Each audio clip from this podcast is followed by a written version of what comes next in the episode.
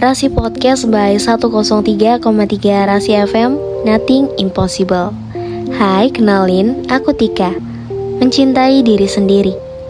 Mungkin sebagian orang akan beranggapan bahwa self-love ini terdengar egois. Namun kenyataannya Self-love ini adalah bagaimana kita bisa mencintai dan memperlakukan diri kita.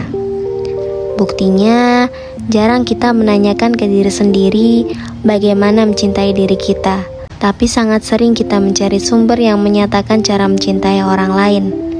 Saat masalah itu muncul, sebenarnya yang pertama kali dilakukan adalah menerima dengan sadar akan kondisi tersebut. Karena dengan memaksa menghadapi tanpa menerima hanya akan membuatmu lelah.